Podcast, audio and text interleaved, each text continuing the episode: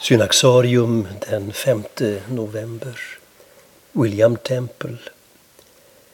William Temple föddes i Exeter i England 1881 och kom att bli en av ledarna för den framväxande ekumeniska rörelsen under första hälften av 1900-talet.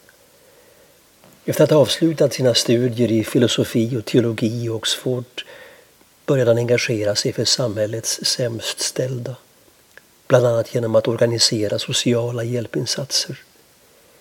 Medkänslan med de fattiga bar han med sig hela livet och var något som alltid lyste igenom i det val han gjorde liksom i hans offentliga tal och engagemang.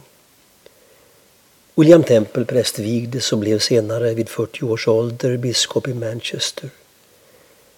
Med tiden förflyttades han till New York där han utsågs till ärkebiskop. I den nya ställning han fick i den anglikanska kyrkan uttalade han sig djärvt och öppet mot sociala orättvisor och ojämlikhet i det engelska samhället. Han ställde sig helhjärtat på de svagas och fattigas sida, inte minst vad gällde svårigheterna för människor att, ur de lägre samhällsklasserna att vid denna tid få en god utbildning. År 1942 blev William Temple ärkebiskop av Canterbury. Som en av grundarna av Storbritanniens nationella råd av kyrkor satt han ordförande vid den andra internationella konferensen för Faith and Order i Edinburgh 1937. Där lade han fram förslaget om ett kyrkornas världsråd, något som skulle förverkligas efter hans död.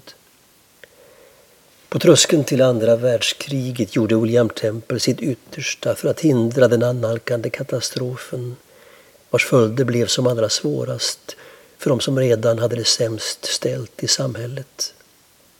Han dog den 6 november 1944 och det vittnesbörd om ett helgat liv han efterlämnade, oomtvistat även bland hans samtida, fick senare ett officiellt erkännande när han gavs en plats i den engelska kyrkans kalender över vittnen vars minne årligen firas.